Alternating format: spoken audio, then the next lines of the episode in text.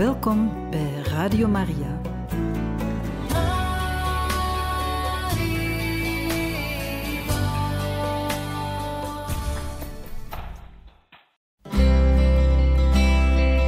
Welkom bij Boekat, een programma van Radio Maria.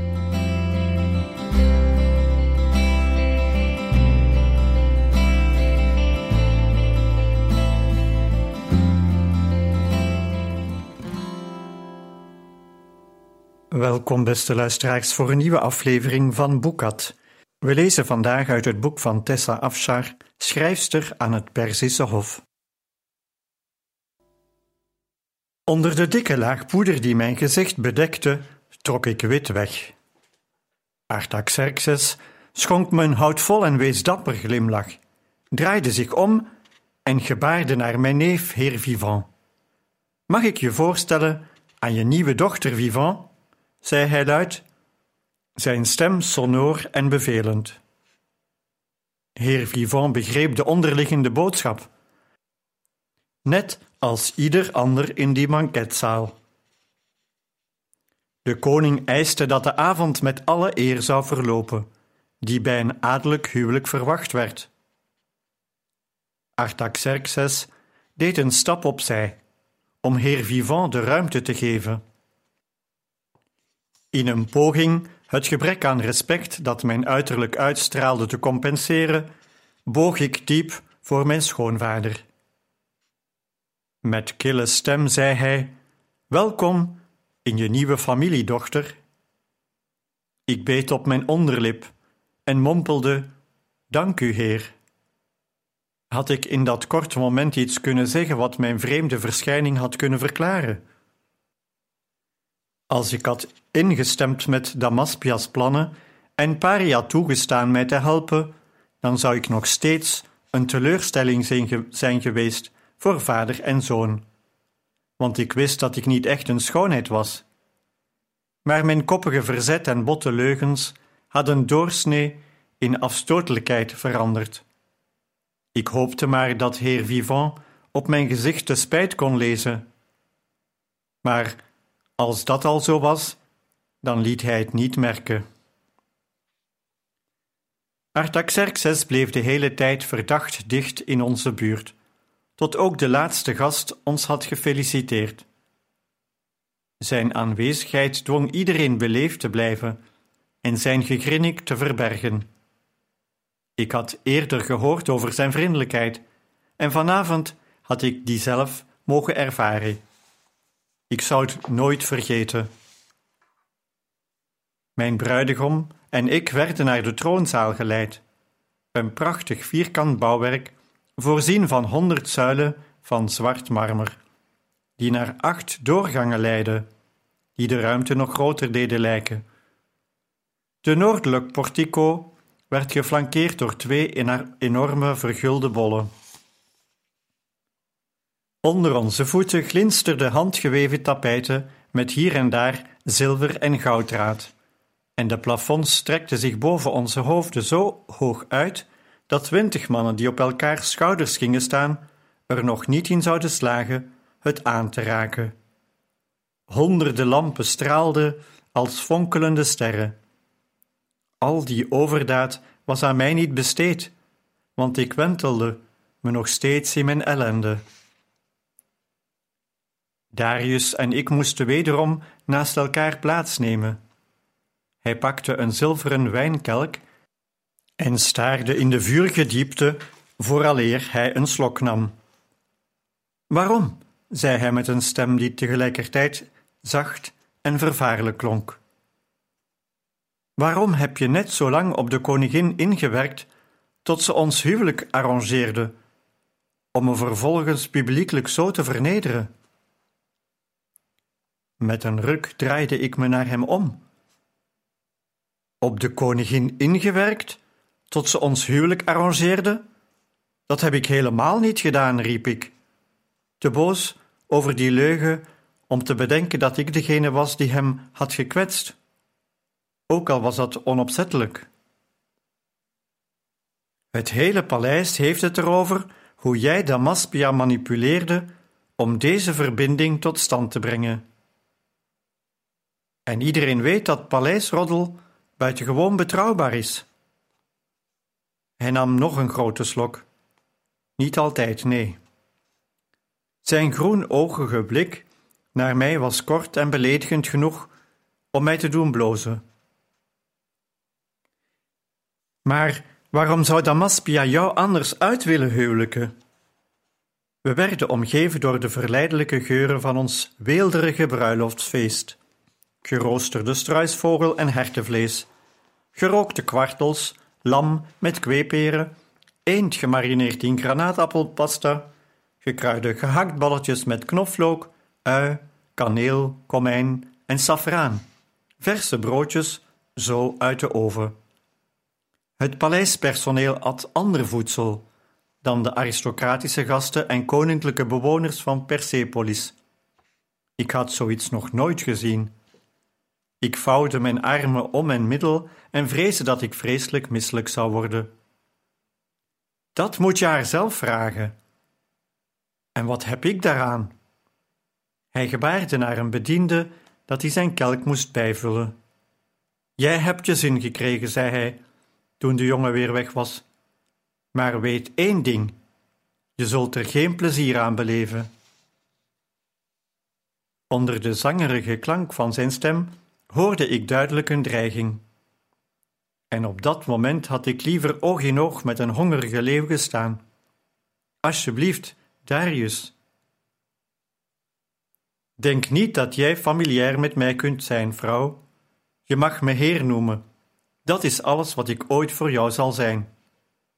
Hij sloeg de rest van zijn wijn achterover en rukte de fles uit de hand van een passerende bediende. Darius hield zich het volgende uur bezig met zijn wijn en een stel vrolijke vrienden. Hij negeerde me, terwijl ik zat te zweten in Damaspia's blauwzijde jurk. Mijn eenzaamheid was geen best gezelschap op de avond van mijn huwelijk. Ik zag dat de koning op zijn privébank naast de koningin achteroverleunde en afwezig at. Het was een publiek geheim dat hij geen smaak meer had. Elke dag van zijn leven kreeg de rijkste man ter wereld de heerlijkste hapjes voorgezet, die er bestonden, en proefde niets. Ik leefde met hem mee. Hij moet mijn blik hebben gevoeld want hij keek plotseling mijn kant op en maakte met zijn kelk een toastend gebaar. Damaspia wou hetzelfde doen, maar stopte toen ze zag dat het gebaar voor mij was bedoeld, en doorhad dat Artaxerxes op mij toostte. Op dat moment kwam neef Nehemia op mij af, met een geschenk voor Darius. Hij wachtte tot Darius hem aankeek, waarna hij een papieren school voor hem neerlegde. Ik heb uw moeder gekend, heer, zei hij. Darius' desinteresse sloeg om in vijandigheid. En? Ze hield veel van de psalmen van koning David. Ik dacht dat u misschien een aantal daarvan in uw bibliotheek wilde hebben. Uw vrouw was er in haar jeugdjaren ook dol op. Wat mijn vrouw wel of niet leuk vindt, interesseert mij niet, schenker. En jij, als haar neef, interesseert mij evenmin. Jij maakt deel uit van deze farse van een huwelijk. Mijn vader vertrouwde je op je woord. Niet alles is wat het lijkt, zei Nehemia zo bescheiden mogelijk, hoewel zijn wangen gloeiden. Op een dag stelt u wellicht vast dat wat een belediging leek, een zegen is. En jij stelt wellicht op een dag vast dat je een nare bedweter bent. Darius pakte de rol en verfrommelde het fragiele materiaal met zijn boze handen, waarna hij het op de grond gooide. Nehemia's mond was een strakke lijn geworden toen hij dichter naar Darius toekwam en tegen hem siste: Die woorden troosten ooit uw moeder toen zij het moeilijk had en eenzaam was. Zij las ze om zich dichter bij haar God te voelen en zijn kracht en sturing te ervaren, U hoort er respectvol mee om te gaan. Darius schoot naar voren en zijn vuist landde op de tafel voor ons. De koning sprong overeind, de koningin aan zijn arm. Ik slaakte een opgeluchte zucht en kwam overeind om voor hen te buigen. Darius en Nehemia deden hetzelfde, hun vijandigheid verbergend vanwege het koninklijke gezelschap. Op Artaxerxes teken trok Nehemia zich terug. De koningin en ik gaan nu. Ik heb een kamer voor jullie hier in Persepolis klaar laten maken voor vanavond. Het is te laat om nu nog op weg te gaan naar je paleis, neef. Dat is erg attent van u beiden, zei Darius. Zijn woorden dropen van sarcasme. Vol afschuw hield ik mijn adem in. Damaspia bloosde en wierp me een blik toe die me ter plekke had kunnen doden. Maar de koning glimlachte alleen maar beleefd naar me. Vergeet het niet. Hoe zou ik kunnen? Kom, we begeleiden jullie naar je kamer. Zo mijden jullie het ordinaire gedoe als jullie later zouden gaan. Ik neem aan dat jullie daar geen behoefte aan hebben. Darius haalde een hand door zijn haar. Nee, daar zit ik niet op te wachten. Ik pakte Nehemias verfrommelde rol, de schrijver in mij kon het niet aanzien, en volgde de koning en koningin en mijn echtgenoot uit de troonzaal. Heel even voelde ik opluchting, dat ik me eindelijk kon ontworstelen aan de veroordelende blikken van al die ogen. Maar toen herinnerde ik me met een schok dat ik wegliep van mijn bruiloft en op weg ging naar mijn huwelijksnacht. Toen we alleen waren in onze goed verlichte kamer, zocht Darius zijn toevlucht in een karaf wijn en een stel elegante glaasjes die voor ons waren klaargezet. Ik ging op de rand van de handgeborduurde bank zitten, maar besloot dat ik niet stil kon zitten en begon in plaats daarvan te ijsberen.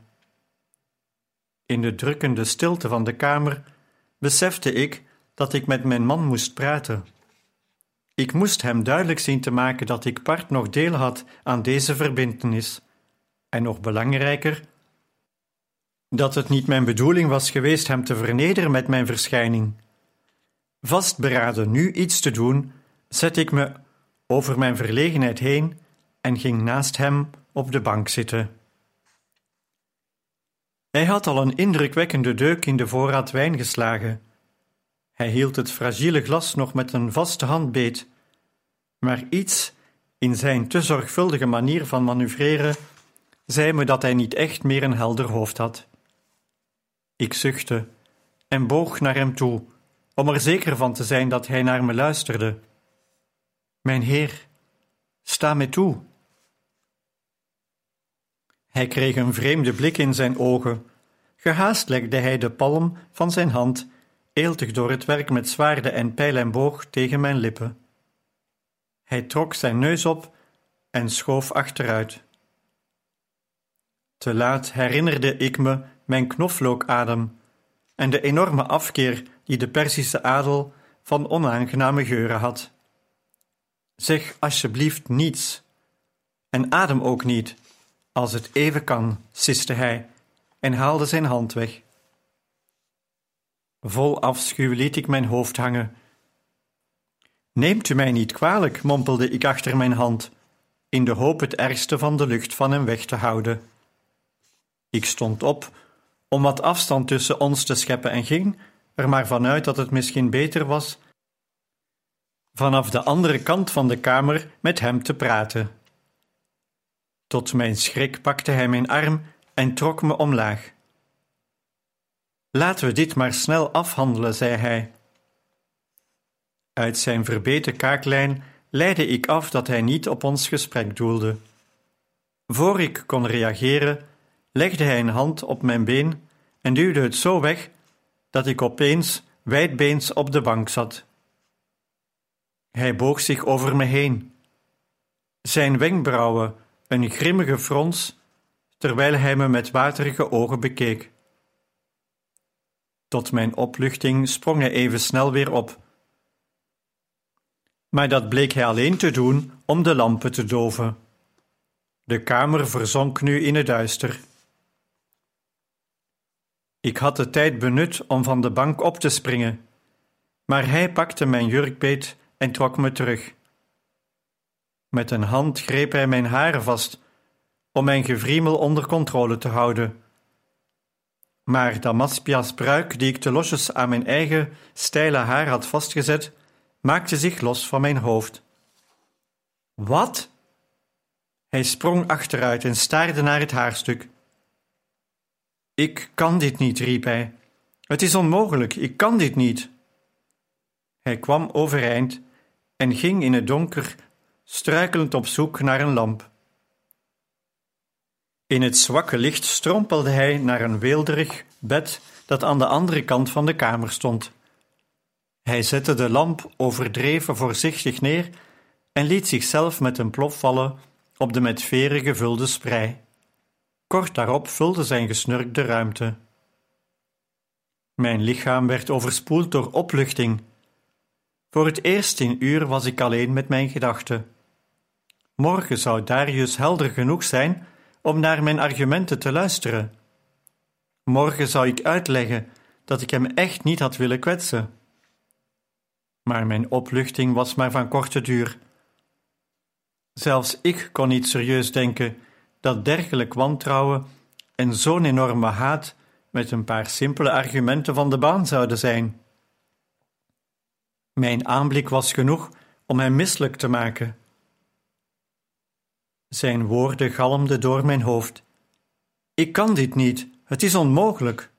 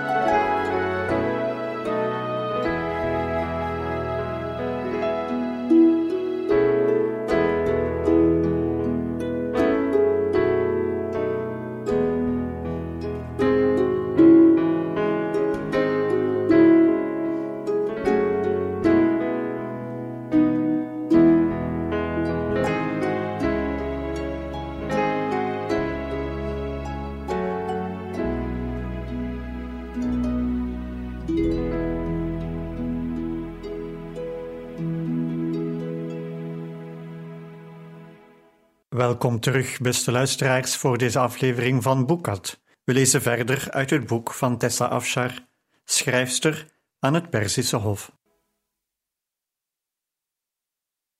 Mijn grootste angsten over onaantrekkelijk zijn waren bewaarheid.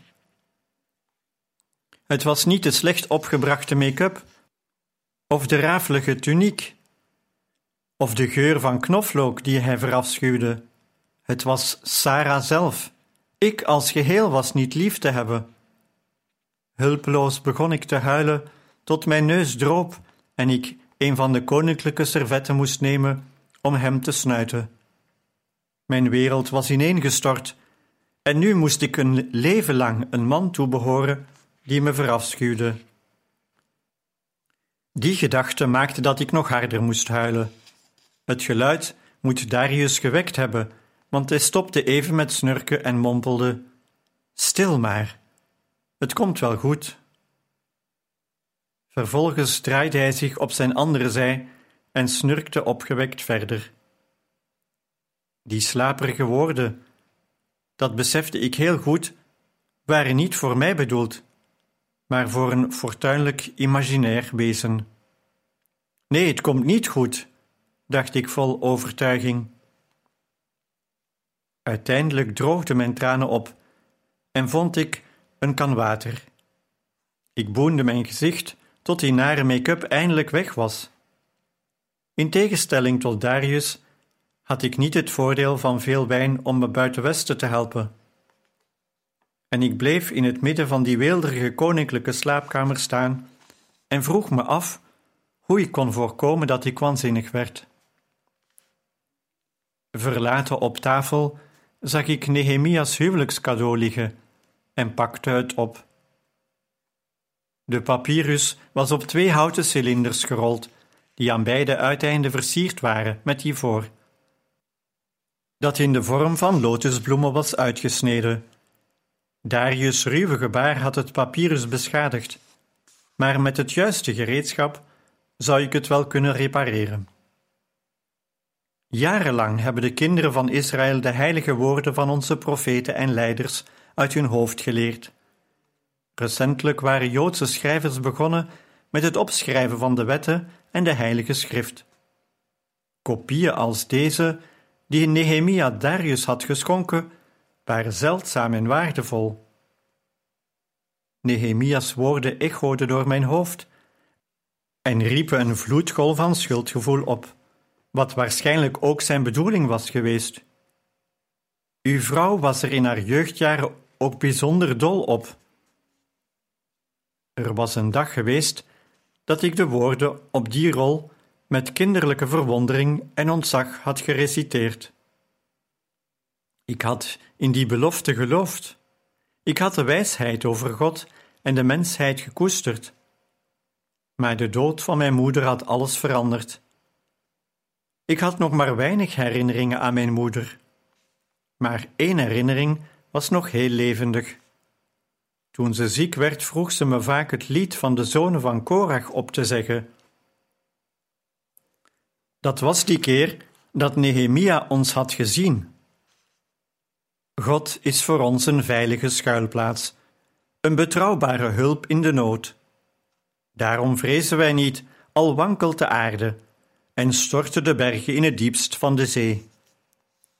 In mijn kinderlijke overgave had ik de woorden van de psalm als een gebed uitgesproken en mezelf voorgehouden dat ik kon vertrouwen op Gods belofte, altijd een betrouwbare hulp in de nood te zijn. Dat ik een dergelijke belofte zomaar kon geloven, en dus vroeg ik om zijn hulp voor mijn zieke moeder. Ik vroeg het met de hoop en het vertrouwen van een kind.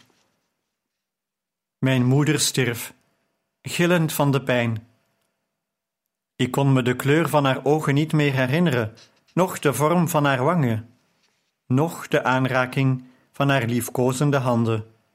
Maar dat gegil, dat herinnerde ik me nog.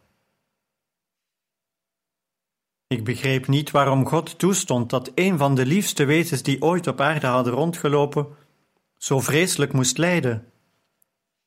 Aanvankelijk had ik mijn vragen verdrongen, Ik had vastgehouden aan mijn geloof. Onwrikbaar had ik gebeden om mijn vaders liefde. Samen met David had ik geluisterd. Zoek je geluk bij de Heer. Hij zal geven wat je hart verlangt. Maar dat deed hij niet. En op dat moment hield ik op met het reciteren van de schrift en vertrouwde niet langer op God. Naar buiten toe hield ik de schijn op, maar in mijn hart was niet langer plek voor Hem.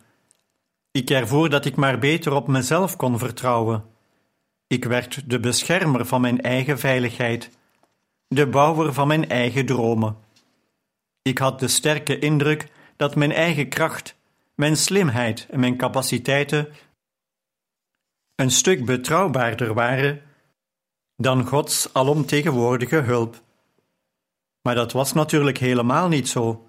Daarom zat ik nu in deze kamer, met een boze vreemde als echtgenoot en een sombere toekomst die weinig goeds beloofde. Ik had geoogst wat ik eigenhandig had gezaaid. Dat had ik nou van mijn eigen talent en kracht. Nu had ik geen enkele hulp, niet van mezelf, niet van God. Ik werd overstelpt door wanhoop. Ik zat die nacht uur na uur in die gruwelijke greep gevangen en belandde uiteindelijk ergens voorbij hoop en draaglijkheid. Kort na zonsopkomst werd ik door een hofdame bij de koningin ontboden. Darius sliep nog toen ik wegging.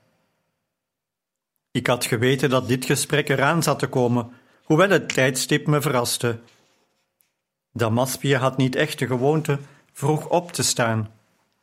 Ze ontving me alleen, nog steeds in de kleren die ze gisteravond aan had. En ik besefte dat ze nog niet naar bed was geweest. Haar haar zat los, haar make-up was uitgelopen en ik stelde mijn conclusie bij. Ze was nog niet naar haar bed geweest. Ik ging voor haar op de grond liggen en zij met mijn gezicht voor de helft tegen het koude marmer gedrukt en voor de helft op de rand van het zijden tapijt: Vergeef me, Duxis. Ze draaide me haar rug toe. Waarom? Waarom heb je me zo vernederd? Waarom doet iemand zoveel moeite om zichzelf en haar nieuwe echtgenoot ten overstaan van het hof zo voor schut te zetten? Ik dacht dat je een trouwe vriend was. Hoe kon je mijn vertrouwen in jou zo beschamen?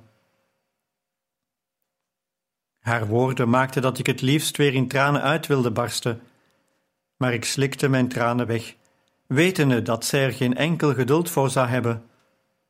Het was echt niet mijn bedoeling iemand te kwetsen, zeker u niet, mijn koningin. Onwetendheid was mijn grote fout. Ik zou u nooit opzettelijk verraden. Je onwetendheid. Wat ontbrak er dan aan, aan wat ik je had geschonken? Voorzag ik je niet van meer rijkdommen dan je verdiende? Juist om die onwetendheid te overwinnen. Stuurde ik je niet mijn eigen bediende om je te helpen je op de bruiloft voor te bereiden? Het kwam geen moment in me op dat jij zo dom zou zijn ze weg te sturen. Als we het niet zo druk hadden gehad met Amestris naderende bezoek, dan zou ik je bedrog tijdig hebben doorzien en er onmiddellijk een eind aan hebben gemaakt. Maar die vrouw zette mijn hele huishouden op zijn kop, alleen al met de bedreiging van een bezoek. Hoe dan ook, mijn bedienden zullen mijn toren over hun ongehoorzaamheid voelen. Ze hadden die excuses van jou moeten doorzien en erop moeten staan dat ze hun taak volbrachten. Het noemen van die vrouwen, in het bijzonder Pari, deed me verstijven. Het was de enige reden waarom ik Damaspia had willen spreken. Ik wist dat ze excuses over mijn eigen gedrag niet zou aanvaarden. Maar die vrouwen waren onschuldig, die in het net van mijn onnozelheid verstrikt waren geraakt. Ik moest proberen hen te helpen. Majesteit, het was niet hun fout. Ik loog tegen hen en zei dat ik al geholpen werd. Pari liet zich niet misleiden en kwam vier dagen achtereen terug in een poging me te helpen. Ik stuurde haar elke dag weg, zei dat ik het te druk had, en op de laatste dag stond ik erop dat ik het zelf allemaal wel kon. En was er in mijn arrogantie nog van overtuigd dat dat zo was. Ze had geen andere keuze dan me te gehoorzamen. Dus je geeft toe dat je loog. Om er nog maar van te zwijgen dat je ondertussen druk bezig was me mijn cadeau voor de voeten te gooien. Schuldgevoel deed me zwijgen, en Damaspia's hoofd danste boos op en neer. Druk bezig je uit een huwelijk te wurmen dat ik voor jou geregeld had. Ja, dat weet ik heus wel. En ik weet vrijwel zeker dat gisteravond niet zozeer een kwestie was van naïeve onwetendheid, als wel een allerlaatste poging aan deze verbintenis te ontkomen. Misschien hoopte je dat de bruidegom de hele ceremonie stop zou zetten als hij je zag. Naar adem happend schoot mijn hoofd overeind. Nee, majesteit. Wat zou een dergelijk plannetje me anders opleveren dan uw woede? Dan had ik wel een beter plan bedacht, als ik dat had gewild. Damaspia's mondhoeken trilden. Dit is de eerste keer dat iemand me vertelt dat ze een beter plan tegen me had kunnen smeden dan ik zelf kan bedenken. Ze ging zitten en sloeg haar lange benen over elkaar. Oh, kom alsjeblieft overeind. Je ziet er bespottelijk uit op de grond. Ik kwam wat onhandig overeind. Dank u, Duxis. Dus jij bent echt zo incompetent. Ik vrees van wel, majesteit. Dat dacht Artaxerxes al. Toen ik tegen hem tekeer ging over jou, verdedigde hij je onschuld. Om een of andere reden mag hij je. Hij wedde ook om een gouden muts met me, dat Darius het huwelijk niet geconsumeerd heeft. Heeft hij gewonnen? Dat de meest vernederende gebeurtenis van mijn leven onderwerp was van een koninklijke weddenschap leek me eigenlijk wel een passende afsluiting van de afgelopen 24 uur. De koning heeft gewonnen. Met een lome beweging legde ze haar lange benen op een stoel om makkelijker te kunnen zitten. Ik bedacht nu pas dat ze waarschijnlijk doodmoe was. Met een stem die krachtig was als altijd, zei ze: Dat is je verdiende loon. Je zou gisteravond kinderen bang hebben gemaakt. Hoe kan een briljante vrouw zo dom zijn?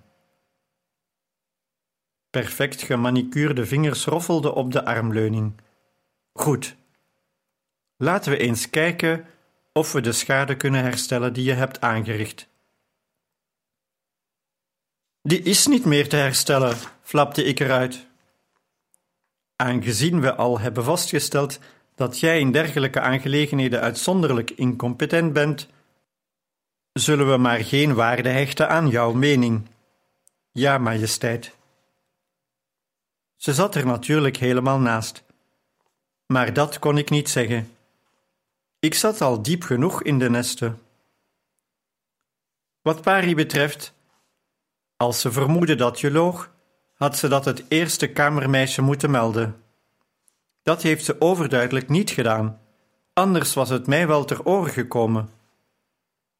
Ik hapte naar adem bij het idee dat ik in mijn poging Paris onschuld te bewijzen de boel blijkbaar nog erger had gemaakt. Maar Damaspia legde me met een handgebaar het zwijgen op. Aangezien ze het nodig schijnt te vinden jou te gehoorzamen in plaats van mij, kan ze bij mij vertrekken en bij jou in dienst gaan. Je zult haar wel zelf moeten betalen natuurlijk. Je hebt het volledige salaris dat je bij mij de afgelopen drie jaar hebt verdiend nog niet helemaal geïnd. Van die som zul je Paris opleiding betalen, haar kleren en het eten gedurende al die tijd die ze in het paleis heeft doorgebracht, plus het salaris voor het komende jaar. En voor de schade die ik leid door het gegeven dat iemand een van mijn bedienden aan mijn hofhouding onttrekt. Er blijft volgens mij dan weinig over. U bent zeer genereus, majesteit, zei ik, maar slaagde er niet helemaal in er het passende hoofd bij te trekken. Ze lachte. Dit is een gunstmeisje. Jou je eigen kamermeisje meegeven naar een huishouden waar je voorlopig geen vrienden zult hebben. Ik wist dat dat wijze woorden waren, hoewel ze me veel geld kostten, en zei met oprechte stem: Dank u. Je zult de rest van deze dag doorbrengen door je voor te bereiden als bruid. Ik had er destijds zelfs een jaar de tijd voor om me voor te bereiden op mijn huwelijk met de koning. Dus een dag zal nauwelijks voldoende zijn, maar het is een begin. Ik probeerde mijn zenuwen te verbergen, maar slaagde daar blijkbaar niet echt in. Damaspia rolde met haar ogen. Wees niet zo kinderachtig, Sarah. Ik zal mijn best doen. Ik vertrek morgen naar Ekbatana met de rest van de hofhouding. Voegen Darius en jij je daar bij ons? Dat weet ik niet, koningin. Aha. Darius was blijkbaar niet in de stemming om op eloquente wijze zijn toekomstplannen uit de doeken te doen. Niet echt, nee. Haar vraag herinnerde mij er weer aan hoe weinig controle ik over mijn eigen toekomst had en hoe weinig ik ervan afwist. De koningin fronste en beet op haar onderlip. Kom me vooral bezoeken als hij je meebrengt. Ik wil graag weten hoe het met je gaat.